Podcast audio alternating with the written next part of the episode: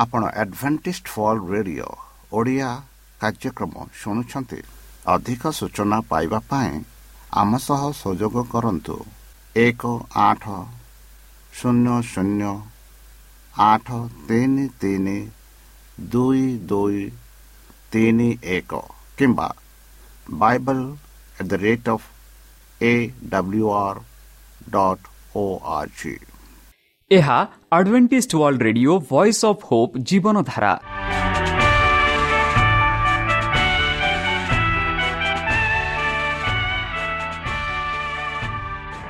Odia radio କାର୍ଯ୍ୟକ୍ରମ ଯାହା ଆମର ଆନ୍ତର୍ଜାତୀୟ ଆଘାତ କେନ୍ଦ୍ରରୁ ପ୍ରସାରଣ କରାଯାଉଛି ପ୍ରତିଦିନ ରାତି ନଅଟା ତିରିଶ ମିନିଟ୍ରେ। ମୁଁ ସୁବ୍ରତ କୁମାର ପତି ପ୍ରେମର ସହ ଆପଣମାନଙ୍କୁ ଏହି କାର୍ଯ୍ୟକ୍ରମକୁ ସ୍ୱାଗତ କରୁଅଛି। ଚାଲନ୍ତୁ ଆଜିର ତିରିଶ ମିନିଟ୍ର କାର୍ଯ୍ୟକ୍ରମ ବିଷୟରେ ଜାଣିନେବା।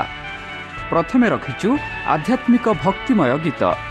ଏହାପରେ ଶୁଣିବା ସ୍ୱାସ୍ଥ୍ୟ ବିଷୟରେ ଯାହା ଆମର ଦୈନିକ ଜୀବନରେ ଅତ୍ୟନ୍ତ ଜରୁରୀ। ଆଉ ପରିଶେଷରେ ଶୁଣିବା ପରମେଶ୍ୱରଙ୍କ ଭକ୍ତଙ୍କଠାରୁ ଜୀବନଦାୟକ ଈଶ୍ୱରଙ୍କ ବାକ୍ୟ। ପ୍ରିୟ ଶ୍ରୋତା ତାହେଲେ ଚାଲନ୍ତୁ ଶୁଣିବା ଏକ ଆଧ୍ୟାତ୍ମିକ ଭକ୍ତିମୟ ଗୀତ।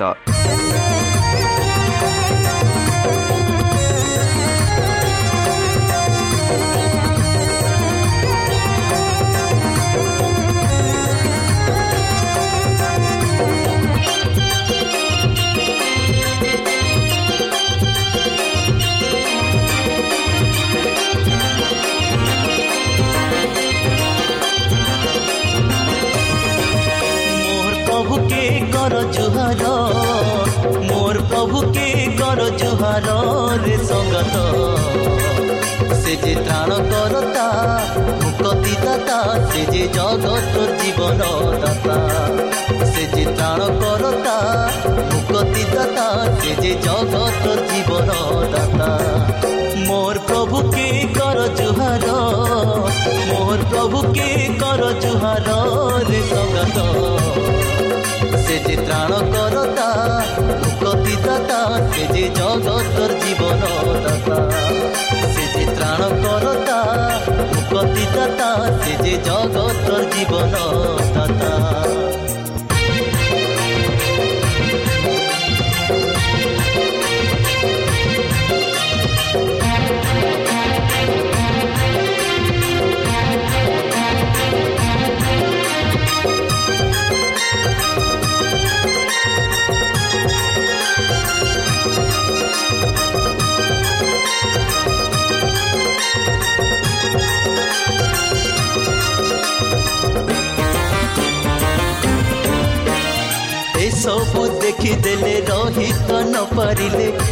ଯେ ସେ ଜଗତର। କେଡ଼େ ପ୍ରେମରେ ସପୁତ୍ରକେ ପଠାଇ କହିଲେ ଉଦ୍ଧାର କର।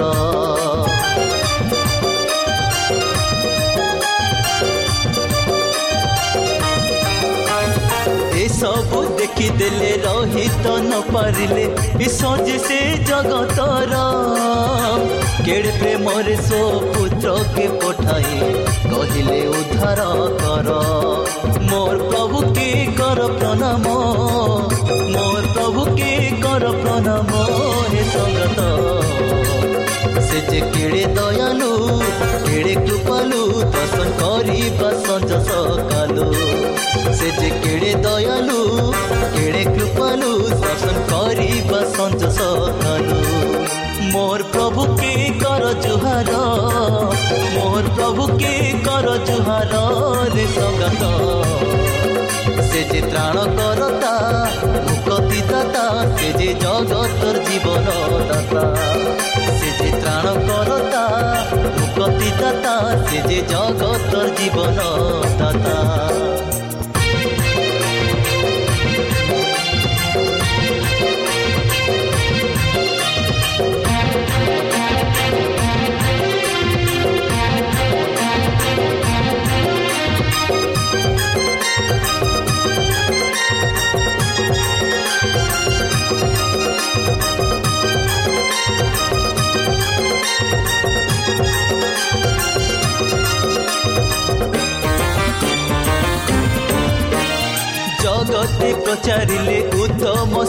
ସମାଚାର ଭୋଗିଲେ କଷ୍ଟ ଯନ୍ତ୍ରଣାର ଜୀବନ ଦେଇ ସେ ଯୀଶୁ ରାଜାମ ଖୋଲିଲେ ମୁକ୍ତିର ଦ୍ୱାର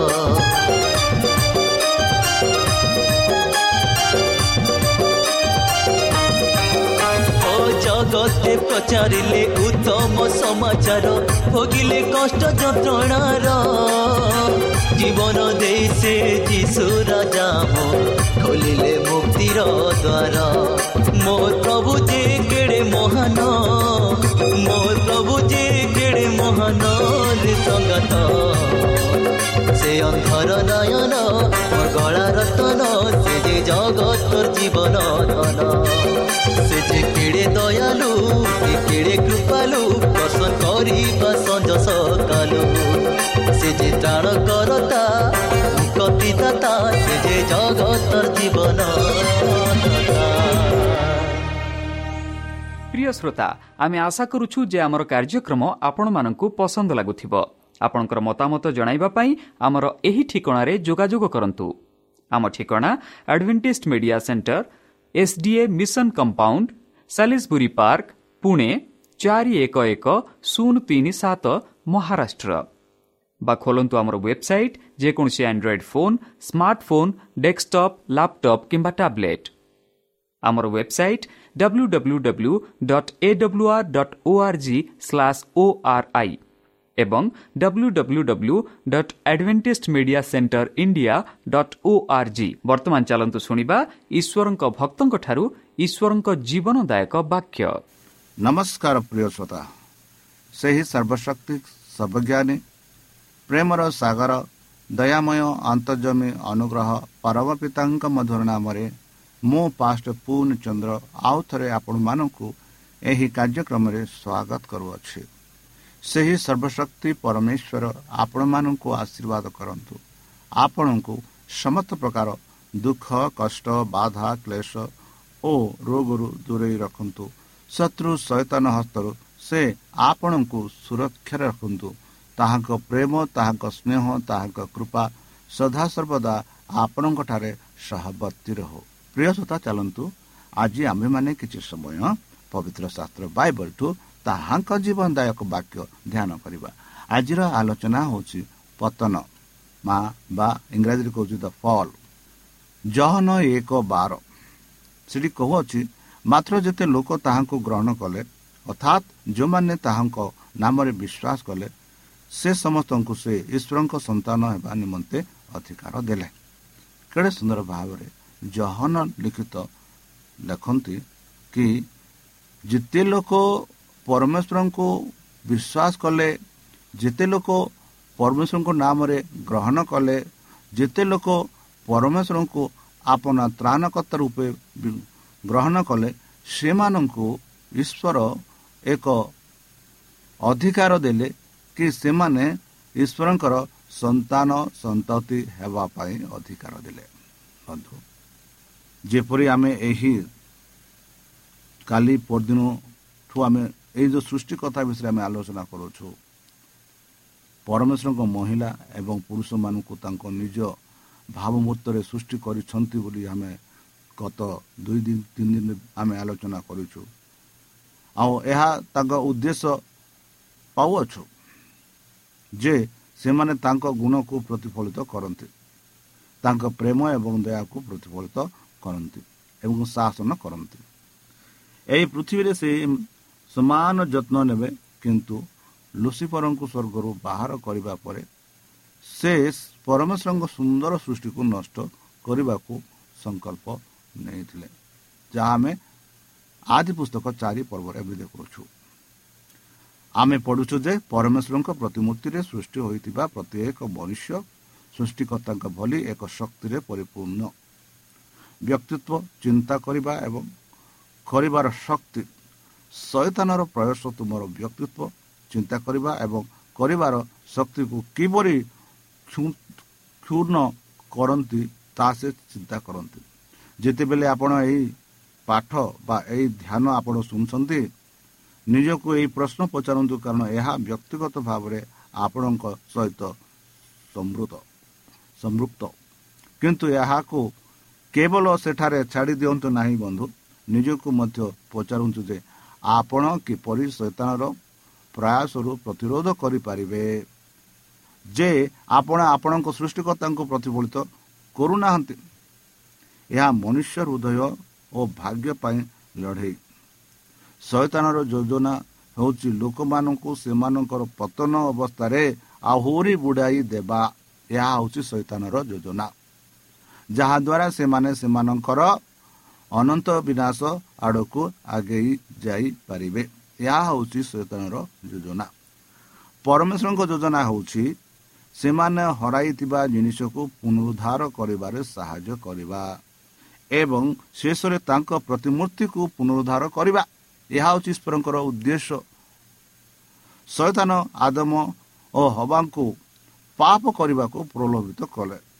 ଯେ ସେ ସେମାନଙ୍କ ସହଯୋଗକୁ ସୁରକ୍ଷିତ କରିପାରିବେ ଏବଂ କୃଷ୍ଣଙ୍କ ବିରୁଦ୍ଧରେ ଯୁଦ୍ଧ ଜାରି ରଖିପାରିବେ ଯାହା ସେ ସ୍ୱର୍ଗରେ ଆରମ୍ଭ କରିଥିଲେ। ଆମର ପ୍ରଥମ ପିତାମାତାଙ୍କ ବିଚାରକୁ ସେମାନଙ୍କ ଅନୁଗତ୍ୟ ଏବଂ ପ୍ରେମର ପରୀକ୍ଷା ଭାବରେ ଅନୁମତି ଦିଆଯାଇଥିଲା। ଏହି ପରୀକ୍ଷା ସେମାନଙ୍କ ଆଧ୍ୟାତ୍ମିକ ବିକାଶ ଚରିତ୍ର ଗଠନ ପାଇଁ ଜରୁରୀ ଥିଲା। ଯଦି ସେମାନେ ପରୀକ୍ଷାରୁ ବାହାରିଥାନ୍ତେ ତେବେ ଅନନ୍ତ ସୁଖ ସେମାନଙ୍କ ପାଇଁ ଫଳପ୍ରଦ ହୋଇଥାନ୍ତା। କୃଷ୍ଣଙ୍କ କୃପା ହିଁ ଆତ୍ମାରେ ଶୈତାନଙ୍କ ବିରୁଦ୍ଧରେ ଶତ୍ରୁତା ସୃଷ୍ଟି କରେ। ଏହି ଅନୁଗ୍ରହ ଏବଂ ନବୀକରଣ କ୍ଷମତା ବିନା ଆମେ ଶୈତାନର ଇଚ୍ଛୁକ ବନ୍ଧୀ ହୋଇ ରହିବୁ। ଯିଏକି ସର୍ବଦା ତାଙ୍କର ନିଲାମ କରିବାକୁ ପ୍ରସ୍ତୁତ ରହିବୁ କିନ୍ତୁ ପରମେଶ୍ୱରଙ୍କ କୃପା ଆମକୁ ପାପ ଏବଂ ଯେକୌଣସି ପ୍ରକାରର ଅମାନବିକତାକୁ ଘୃଣା କରେ ଯାହାଫଳରେ ଭଲ ଏବଂ ମନ୍ଦ ମଧ୍ୟରେ ସଂଘର୍ଷ ସୃଷ୍ଟି ହୁଏ। ପରମେଶ୍ୱରଙ୍କ ବାର୍ତ୍ତା ପ୍ରୋତ୍ସାହନ ଆଣିଥିଲା। କାରଣ ଏହା ଘୋଷଣା କରିଥିଲା ଯେ ଯଦିଓ ଶୈତାନ ମାନବିକତାକୁ ତାଙ୍କ ଖରାପ ଜାଲ ଅଧୀନରେ ଆଣିଛି ଶେଷରେ ସେ ପରାଜିତ ହେବା ପରମେଶ୍ୱର ଏବଂ ମାନବିକତା ମଧ୍ୟରେ ଚୁକ୍ତି ହୋଇଥିଲା। ପ୍ରଥମ ପରମେଶ୍ୱର ତାଙ୍କ କୃପାରେ ସେ ପାପ ବିରୁଦ୍ଧରେ ଏକ ପ୍ରତିଶ୍ରୁତି ଦେଇଥିଲେ। ସେ ସାପ ଓ ନାରୀ ମଧ୍ୟରେ ଘୃଣା ସୃଷ୍ଟି କରୁଥିଲେ। ଶୈତାନର ଅନୁଗାମୀ ଏବଂ ପରମେଶ୍ୱରଙ୍କ ଲୋକମାନଙ୍କ ମଧ୍ୟରେ ଏହା ଶୈତାନ ସହିତ ମନୁଷ୍ୟର ସମ୍ପର୍କକୁ ବ୍ୟାହତ କରିବ ଏବଂ ଈଶ୍ୱରଙ୍କ ସହିତ ଏକ ନୂତନ ସମ୍ପର୍କ ପାଇଁ ବାଟ ଖୋଲିବ। ଯିଏ ପରମେଶ୍ୱରଙ୍କ କୃପା ଅପନକୁ ଗ୍ରହଣ କରନ୍ତି ସେମାନେ ପାପ ବିରୁଦ୍ଧରେ ଶତ୍ରୁତା ଜାଣିବେ ଯାହା ସେମାନଙ୍କୁ ଶୈତାନ ସହିତ ଯୁଦ୍ଧରେ ସଫଳ କରିବା ବିଶ୍ୱାସ ମଧ୍ୟରେ ସେମାନେ କାଲବରୀରେ ତ୍ରାଣକର୍ତ୍ତାଙ୍କ ବିଷୟରେ ଅଂଶୀଧାରୀ ହେବେ। କୃଷ୍ଣଙ୍କ କୃପା ହିଁ ଆତ୍ମାରେ ଶୈତାନ ବିରୁଦ୍ଧରେ ଶତ୍ରୁତା ସୃଷ୍ଟି କରେ। ଏହି ଅନୁଗ୍ରତ ଏବଂ ନବୀକରଣ କ୍ଷମତା ବିନା ଆମେ ଶୈତନାର ଇଚ୍ଛୁକ ଶୈତନାର ଇଚ୍ଛୁକ ବନ୍ଧି ରହିଅଛୁ। ଯିଏ କି ସର୍ବଦା ତାଙ୍କର ନିଲାମ କରିବାକୁ ପ୍ରସ୍ତୁତ କରିବ କିନ୍ତୁ ପରମେଶ୍ୱରଙ୍କ କୃପା ଆମକୁ ପାପ ଏବଂ ଯେକୌଣସି ପ୍ରକାର ଅମାନବିକତାକୁ ଘୃଣା କରେ ଯାହା ଫଳରେ ଭଲ ଏବଂ ମନ୍ଦ ମଧ୍ୟରେ ସଂଘର୍ଷ ସୃଷ୍ଟି ହୋଇଥାଏ। ପରମେଶ୍ୱରଙ୍କ ବାର୍ତ୍ତା ପ୍ରୋତ୍ସାହନ ଆଣିଥିଲା। କାରଣ ଏହା ଘୋଷଣା କରିଥିଲା ଯେ ଯଦିଓ ଶୈତାନ ମାନବିକତାକୁ ତାଙ୍କ ଖରାପ ଜାଳ ଅଧୀନରେ ଆଣିଛି ଶେଷରେ ସେ ପରାଜିତ ହେବ। ପରମେଶ୍ୱର ଏବଂ ମାନବିକତା ମଧ୍ୟରେ ଚୁକ୍ତି ହୋଇଥିଲା।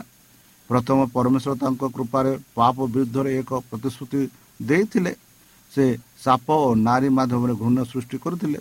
ଶୈତାନର ଅନୁଗାମୀ ଏବଂ ପରମେଶ୍ୱରଙ୍କ ଲୋକମାନଙ୍କ ମଧ୍ୟରେ ଏହା ଶୈତାନ ସହିତ ମନୁଷ୍ୟର ସମ୍ପର୍କକୁ ବ୍ୟବହୃତ କରିବ ଏବଂ ଈଶ୍ୱରଙ୍କ ସହିତ ଏକ ନୂତନ ସମ୍ପର୍କ ପାଇଁ ବାଟ ଖୋଲିବ। ଯିଏ ପରମେଶ୍ୱରଙ୍କ କୃପା ଅପର୍ଣ୍ଣକୁ ଗ୍ରହଣ କରନ୍ତି ବନ୍ଧୁ ସେମାନେ ପାପି ବିରୁଦ୍ଧରେ ପାପ ବିରୁଦ୍ଧରେ ଯୁଦ୍ଧ କରନ୍ତି। ବନ୍ଧୁ ପାଉଲ ବିନ୍ୟାମି ବଂଶରୁ ଆସିଥିଲେ ବେଞ୍ଜାମିନ୍ ବଂଶରୁ ଆସିଥିଲେ। ଯିଏ ଇସ୍ରାଏଲକୁ ଏହାର ପ୍ରଥମ ରାଜା ଦେଇଥିଲା। ଜନ୍ମରୁ ଜଣେ ଇହୁଦୀ ହୋଇଥିବାରୁ ସେ ଉପଯୁକ୍ତ ବୟସରେ ସୁନାର ଚୁକ୍ତିବିଧି ଅତିକ୍ରମ କରିଥିଲେ। ମହାନ ଶିକ୍ଷକ ଗାମାଲିଆଙ୍କ ଅଧୀନରେ ଶିକ୍ଷିତ ହୋଇଥିଲେ। ଆଇନର ଜ୍ଞାନ ଏବଂ ଅଭ୍ୟାସର ତାଙ୍କ ସମକାଳୀନ ମାନଙ୍କୁ ପଛରେ ପକାଇଥିଲେ ଏବଂ ଶେଷରେ ସର୍ବୋଚ୍ଚ ଇହୁଦୀ ଦରବାର ସାନାଡ୍ରେନ୍ର ସଦସ୍ୟ ହୋଇଥିଲେ। ଜୀବନର ସେହି ସମୟରେ ପାଉଲ ବିଶ୍ୱାସ କରୁନଥିଲେ ଯେ ଧାର୍ମିକତା ନିୟମର ଅନୁଗତ୍ୟ ସହିତ ସମାନ। କେବଳ ଲିଖିତ ନିୟମ ସହିତ ଏହାର ଛଅଶହ ତେଷଠି ଉପଦେଶ ସହିତ ନୁହେଁ ବରଂ ମୌଖିତ ପରମ୍ପରା ଯାହା ଅନେକ ପିଢ଼ିର ରାବିମାନଙ୍କ ଦ୍ୱାରା ପ୍ରସାରିତ ହୁଏ।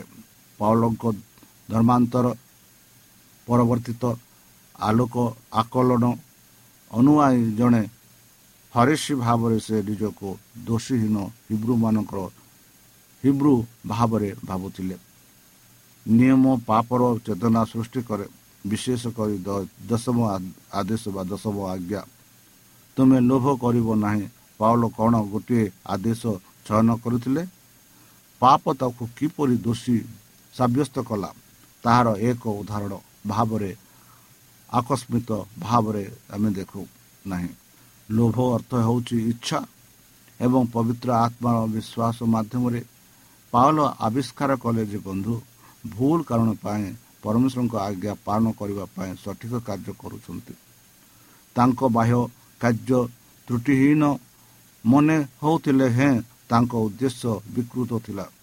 ଦଶମ ଆଜ୍ଞା ଅନ୍ୟ ନଅଟି ଆଦେଶ ସମ୍ପର୍କରେ ଆମର ଇଚ୍ଛୁକ ମୂଲ୍ୟବାନ କରି ନିୟମୁକ୍ତ ଏକତ୍ରିତ କରେ। ଯୀଶୁ ଏହି କଥାକୁ ସ୍ପଷ୍ଟ କରିଥିଲେ। ଯେତେବେଳେ ସେ କହିଥିଲେ ଯେ ଘୃଣ କେବଳ ହତ୍ୟାର ଏକ ପ୍ରଭା ପ୍ରାଥମିକ ପଦପେକ୍ଷ ଇଚ୍ଛା ହେଉଛି ବ୍ୟବିଚାରର ପୂର୍ବ ସୂତ୍ର ଏବଂ ନିଜ ପଡ଼ୋଶୀଙ୍କ ପ୍ରତି ସକାରାତ୍ମକ କାର୍ଯ୍ୟର ଅନୁପସ୍ଥିତ ଆଇନର ଉଦ୍ଦେଶ୍ୟକୁ ଭାଙ୍ଗି ଦିଏ ଯେତେବେଳେ ଇଚ୍ଛା ଏବଂ କାର୍ଯ୍ୟ ମଧ୍ୟରେ କେବଳ ଏକ କ୍ଷୁଦ୍ର ପଦପେକ୍ଷ ଅଛି ଏକମାତ୍ର ଅନୁପସ୍ଥିତ ଉପାଦାନ ହେଉଛି ରୋଗ ପ୍ରତିରୋଧର ଶକ୍ତି ସହିତ ସୁଯୋଗ ଏହି ଅର୍ଥରେ ଯୀଶୁ ଆମମାନଙ୍କୁ ଏକ ଆଧ୍ୟାତ୍ମିକ ପ୍ରକାରର ଅନୁଗତିକୁ ଡାକିଥାନ୍ତି ଯାହା ଆମେ ହୃଦୟରେ ପହଞ୍ଚୁଅଛୁ ବନ୍ଧୁ ଈଶ୍ୱରଙ୍କୁ ଆମ ଜୀବନର ପ୍ରାଥମିକତା ଦେବା ସବୁବେଳେ ସହଜ ନୁହେଁ। ବାରମ୍ବାର ଆମକୁ ଏହା କରିବାକୁ ନିଷ୍ପତ୍ତି ନେବାକୁ ପଡ଼ିବ। ବିଶେଷ କରି ଯେତେବେଳେ ଆମେ ପ୍ରଲୋଭନର ସମ୍ମୁଖୀନ ହୋଇଥାଉ କୌଣସି ପ୍ରକାର ବଳିଦାନ ବିନା ପ୍ରକୃତ ବିଶ୍ୱାସ ନାହିଁ ବନ୍ଧୁ। ଯଦି ପରମେଶ୍ୱର କାଲଭରିଙ୍କ ବ୍ୟତୀତ ଅନ୍ୟ କୌଣସି ଉପାୟରେ ପାପ ସମସ୍ୟାର ସମାଧାନ କରିପାରିଥାନ୍ତେ ତେବେ ସେ ତାହା କରିଥାନ୍ତେ। ହଁ ଶିଷ୍ୟତ୍ୱ ମହଙ୍ଗା ଅଟେ ବନ୍ଧୁ। ଆମେ ସର୍ବଦା ଆରାମ ଏବଂ ତ୍ୟାଗ ମାଧ୍ୟମରେ ଆବଶ୍ୟକତା ଏବଂ ଚାହିଦା ମଧ୍ୟରେ ଆମ ପାଇଁ କ'ଣ କରିବା ବୌଦ୍ଧ ଏବଂ ଯାହା କରିବା ଆମ ପାଇଁ ବୌଦ୍ଧ ନୁହେଁ ତାହା ମଧ୍ୟରେ ସଂଘର୍ଷ କରିବୁ। ପାଉଲଙ୍କର ଏଭଳି ଅନୁଭୂତ ଥିଲା ବନ୍ଧୁ। ଏଥିରେ କୌଣସି ସନ୍ଦେହ ନାହିଁ। ଯେ ପାଉଲଙ୍କ ଜଣେ ବିଦାୟିତ ବ୍ୟକ୍ତି ଥିଲେ ଯିଏକି ଆମ ସମସ୍ତଙ୍କ ପାଖରେ ଥିବା ସମାନ ପାପୀ ମାନବ ପ୍ରକୃତିର ଅଧିକାରୀ ଥିଲେ। ଫରୁସୀମାନଙ୍କ ଆଇନଗତ ମନଦଣ୍ଡ ଏବଂ ପରବର୍ତ୍ତୀ ସମୟରେ ପ୍ରଭୁ ଯୀଶୁ ଖ୍ରୀଷ୍ଟଙ୍କ ଆଧ୍ୟାତ୍ମିକ ମନଦଣ୍ଡକୁ ଅନୁସରଣ କରିବା ପାଇଁ ଯେଉଁ ତ୍ୟାଗ ଏବଂ ଶୃଙ୍ଖଳା ଆବଶ୍ୟକତା ଥିଲା ସେ ବିଷୟରେ ସେ ବହୁତ ସଚେତନ ଥିଲେ। ଧର୍ମ ପରିବର୍ତ୍ତନ ପୂର୍ବରୁ ପରମେଶ୍ୱରଙ୍କ ପ୍ରତି ତାଙ୍କର ଉତ୍ସାହ ଯେପରି ସେ ଏହାକୁ ବୁଝିଥିଲେ ସେ ଚର୍ଚ୍ଚ ଉପରେ ଅତ୍ୟାଚାର କରିବାକୁ ବାଧ୍ୟ ଦେଇଥିଲା ଯେ ଭାବୁଥିଲେ ଯେ ସେ ଯାହା ଠିକ୍ ତାହା କରୁଛନ୍ତି। କିନ୍ତୁ ପରେ ଜାଣିବାକୁ ପାଇଲେ ଯେ ସେ ନୁହନ୍ତି। ଧର୍ମ ପରିବର୍ତ୍ତନ ପରେ ଏବଂ ଖ୍ରୀଷ୍ଟଙ୍କ ପ୍ରତି ତାଙ୍କର ଉତ୍ସାହ ସତେ ସେ ଦେଖିଲେ ଯେ ସେ ଏପର୍ଯ୍ୟନ୍ତ ହାସଲ କରିନାହାନ୍ତି। ବନ୍ଧୁ। ପାଉଲ ଜାଣିଥିଲେ ଯେ ତାଙ୍କର ଆଭ୍ୟନ୍ତରୀଣ ସଂଘର୍ଷ ଖ୍ରୀଷ୍ଟଙ୍କଠାରେ ସମାଧାନ ହୋଇଥିଲେ। ମଧ୍ୟ ସେ ଦେହରେ ଅଛନ୍ତି। ଯଦିଓ ଖ୍ରୀଷ୍ଟ ଭଲ ଓ ମନ୍ଦ ମଧ୍ୟରେ ନିର୍ଣ୍ଣାୟକ ଯୁଦ୍ଧ ଲଢ଼ିଛନ୍ତି ଏବଂ ଦିଶୁଛନ୍ତି ତଥାପି ଯୁଦ୍ଧ ଜାରି କରିବ ରହିବ। ଯେ ପର୍ଯ୍ୟନ୍ତ ସେ ବିଜୟୀ ହୋଇ ଫେରିବେ ଏବଂ ରାଜାକୁ ପିତାଙ୍କ ନିକଟକୁ ମୁକ୍ତ କରିବେ ନାହିଁ। ତେବେ କି ଭାବିବେ ନାହିଁ ଯେ ଯେହେତୁ ଆମେ ଆମର ଖ୍ରୀଷ୍ଟିଆନ ଚାଲିବାରେ ବାଧା ସୃଷ୍ଟି କରିଥାଉ ମାତ୍ର ଶ୍ରେଷ୍ଠ ପ୍ରଦର୍ଶନ ଯଥେଷ୍ଟ ଭଲ ନୁହେଁ। ଈଶ୍ୱରଙ୍କ ଈଶ୍ୱର ଆମକୁ ଭଲ ପାଆନ୍ତି। ସେ ତାଙ୍କ ପୁତ୍ରଙ୍କୁ ଆମମାନଙ୍କ ପାଇଁ ମରିବାକୁ ଦେଲେ। ବଞ୍ଚିବା ପାଇଁ ଯଥେଷ୍ଟ ଭଲ ହେବା ପାଇଁ ଆମେ କେବେ ହିଁ ଏତେ ଦିନ ବଞ୍ଚିପାରିବୁ ନାହିଁ।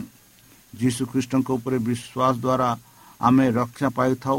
ଯିଏକି କେବଳ ଯଥେଷ୍ଟ ବଳ ଥିଲେ ଏବଂ ଯେଉଁମାନଙ୍କର ସମ୍ପୂର୍ଣ୍ଣ ଅନୁଗତି ଆମକୁ ମାଗଣାରେ ଶ୍ରେୟ ଦିଆଯାଏ ଆମେ କୃତଜ୍ଞ ଅନୁଗତ୍ୟରେ ପ୍ରତିକ୍ରିୟା ଦେଇଥାଉ। ରକ୍ଷା ପାଇବା ପାଇଁ ନୁହେଁ ବରଂ ଆମମାନେ ରକ୍ଷା ପାଉଛୁ। କାରଣ ଖ୍ରୀଷ୍ଟ ଆମକୁ ବଞ୍ଚାଇବା ପାଇଁ ମୃତ୍ୟୁବରଣ କରିଛନ୍ତି। ଏହା ହେଉଛି ସୁସମାଚାର ଶୁଭ ସୁସମାଚାର। ପାଲଙ୍କ ନିରାଶର ଚିତ୍କାର ଆମକୁ ପ୍ରଦର୍ଶିତ ପରବର୍ତ୍ତୀ ବିଜୟୀ ଘୋଷଣା ପାଇଁ ପ୍ରସ୍ତୁତ କରେ ନାହିଁ। ଯଦିଓ ସେ ଜାଣନ୍ତି ଯେ ତାଙ୍କର ପାପୀ ମାନବ ପ୍ରକୃତି ସର୍ବଦା ତାଙ୍କ ସହିତ ରହିବ କିନ୍ତୁ ସେ ଖ୍ରୀଷ୍ଟଙ୍କର ଜଣେ ଆନନ୍ଦମୟ ଦାସ ଏବେ ହେବା ପାଇଁ ମନ ସ୍ଥିର କରିଛନ୍ତି। ସେ ସ୍ୱୀକାର କରନ୍ତି ଯେ ଯଦିଓ ପାପର ନିୟମ ଏତେ ବି ମନୁଷ୍ୟ ପ୍ରକୃତିରେ କାର୍ଯ୍ୟ କରୁଛି ତଥାପି ଏହା ପବିତ୍ର ଆତ୍ମାର ନିୟମ ଦ୍ୱାରା ଉଲ୍ଲଙ୍ଘନ ହୋଇଛି। ଯାହାର ଉପସ୍ଥିତି ଆମକୁ ଆତ୍ମା ସେବା କରିବାର ଆଭ୍ୟରଣୀୟ ଅଭ୍ୟନ୍ତରଣୀୟ ବାଧ୍ୟତାମୂଳକତାରୁ ମୁକ୍ତ କରେ ସେ ଖ୍ରୀଷ୍ଟଙ୍କ ଉପରେ ଧ୍ୟାନ କେନ୍ଦ୍ରିତ କରି ନିଜ ଭିତରେ ଥିବା ବିବାଦର ସମାଧାନ କରନ୍ତି ଏବଂ ସତ୍ୟ ଯେ ଯେଉଁମାନେ ହେବ ନିର୍ଦ୍ଦେଶ ଅନୁଆୟୀ ନୁହେଁ ବରଂ ଆତ୍ମାର ମାର୍ଗଦର୍ଶନ ଅନୁଆୟୀ ଚାଲିଥାନ୍ତି। ସେମାନଙ୍କ ପ୍ରତି କୌଣସି ନିନ୍ଦା ନାହିଁ। ଗ୍ରୀକ୍ ଶବ୍ଦ କର୍ମଟର ସହାୟକ ଆମ ପାଖରେ ଠିଆ ହୋଇଥିବା ବ୍ୟକ୍ତି ଏବଂ ଜଣେ ଯିଏ ଆମ ପାଖରେ ଡାକିଥାଏ ଭାବରେ ଅନୁବାଦ କରିଥାଏ। ପରବର୍ତ୍ତୀ ଅର୍ଥରେ କିଛି ଲୋକ ଏହାକୁ ଅକିଲ ଅନୁବାଦ କରିଛନ୍ତି। କିନ୍ତୁ ଏହି ଶବ୍ଦଟି କେବଳ ଆମକୁ ସାନ୍ତ୍ୱନା ଦେବା କିମ୍ବା ଆମ ପାଖରେ ଠିଆ ହେବା ଅପେକ୍ଷା ଅଧିକ ସକ୍ରିୟ ଭୂମିକାକୁ ପ୍ରତିଫଳିତ କରେ। ସେ ଆମକୁ ପୁନର୍ବାର ପ୍ରମାଣିତ କରନ୍ତି ଯାହାର ଅର୍ଥ ହେଉଛି ଉପଦେଶ ହେବା ଦୋଷୀ ସାବ୍ୟସ୍ତ କରିବା କିମ୍ବା ବୁଝେଇବା। ପବିତ୍ର ଆତ୍ମା ଆମମାନଙ୍କୁ ପାପ ପାଇଁ ଦୋଷୀ ସାବ୍ୟସ୍ତ କରନ୍ତି। ଆମକୁ ଠିକ୍ କରିବାର ଆବଶ୍ୟକତା ବିଷୟରେ ବିଶ୍ୱାସ କରନ୍ତି ଏବଂ ସେ ଆମକୁ ଆଗାମୀ ଜିନିଷ ଗୁଡ଼ିକ ବିଷୟରେ ମଧ୍ୟ କହିବେ। ଏହି ଉପହାର ଗୁଡ଼ିକ ମଧ୍ୟରୁ ଗୋଟିଏ ହେଉଛି ଭବିଷ୍ୟତବାଣୀର ଉପହାର ଯାହା ମାଧ୍ୟମରେ ଆମେ ପାଉଲଙ୍କ ଚିଠି ଏବଂ ପ୍ରକାଶ ପ୍ରକାଶିତ ପୁସ୍ତକର ଅନେକ ଅଧ୍ୟାୟ ମାଧ୍ୟମରେ ଭବିଷ୍ୟତବାଣୀଙ୍କର ଝଲକ ପାଇଥାଉ।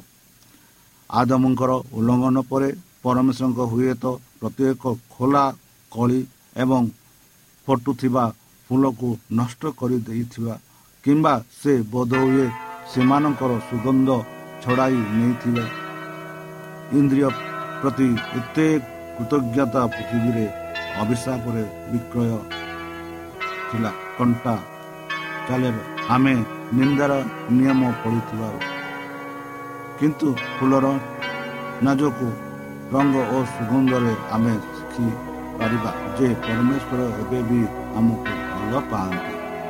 ତାଙ୍କ ଦୟା ପୃଥିବୀରୁ ସମ୍ପୂର୍ଣ୍ଣ ରୂପେ ଘଟି ନାହିଁ ସେଇ ଯେଉଁ ଦୟା ପାଇବା ପାଇଁ ଚାଲନ୍ତୁ ସେ ପରମେଶ୍ୱରଙ୍କଠାରେ ଆମେ ନିଜକୁ ସମର୍ପଣ କରୁ। ତାଙ୍କ ମଧ୍ୟରେ ଆମେ ପ୍ରାର୍ଥନା କରିବା ଯେହେତୁ ସେ ଆମମାନଙ୍କ ପାଇଁ ମୃତ୍ୟୁବରଣ କରୁଛନ୍ତି। ତାଙ୍କ ମୃତ୍ୟୁ ଦ୍ୱାରା ଯେପରିକି ଆମେ ଅନନ୍ତ ଜୀବନ ପ୍ରାପ୍ତ ହୋଇପାରିବା। ତାହେଲେ ଚାଲନ୍ତୁ ନିଜକୁ ସମର୍ପଣ କରି ତାଙ୍କ ମଧ୍ୟରେ ଆମେ ଆମେ ପ୍ରାର୍ଥନା ଅର୍ପଣ କରିବା।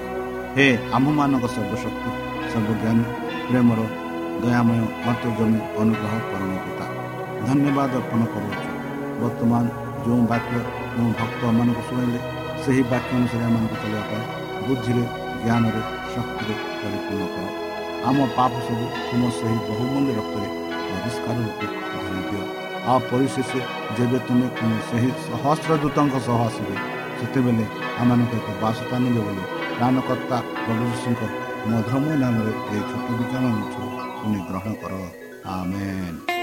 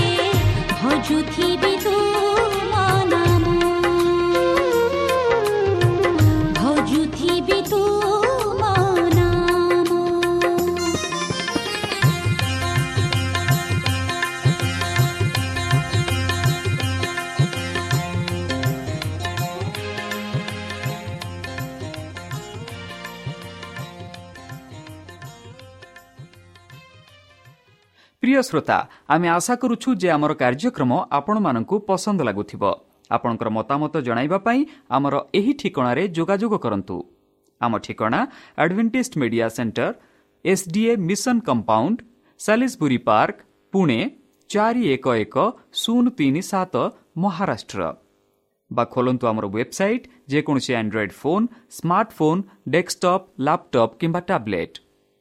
ଆମର website W W W dot A W R dot O R G slash O R I ଏବଂ W W W dot advantage media centre India dot O R G advantage media centre ଇଣ୍ଡିଆର spelling ହେଉଛି A D V E N T I S T M E D I A C E N T R E I N D I A ଅଥବା download କରନ୍ତୁ ଆମର mobile app ଆପଣଙ୍କର mobile play ଷ୍ଟୋରକୁ ଯାଆନ୍ତୁ ଆଉ type କରନ୍ତୁ the Voice of Hope ଆଉ download କରନ୍ତୁ। ଈଶ୍ୱର ଆପଣଙ୍କୁ ଆଶୀର୍ବାଦ କରନ୍ତୁ। ଧନ୍ୟବାଦ।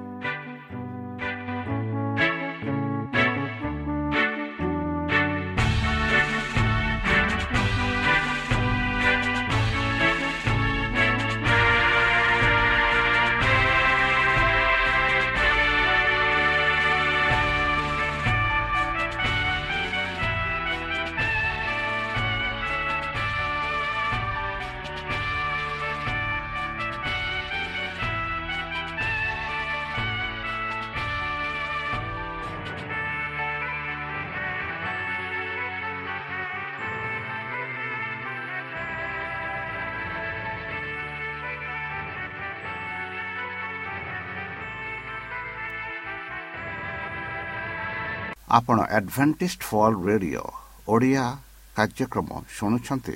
ଅଧିକ ସୂଚନା ପାଇବା ପାଇଁ ଆମ ସହ ସଂଯୋଗ କରନ୍ତୁ।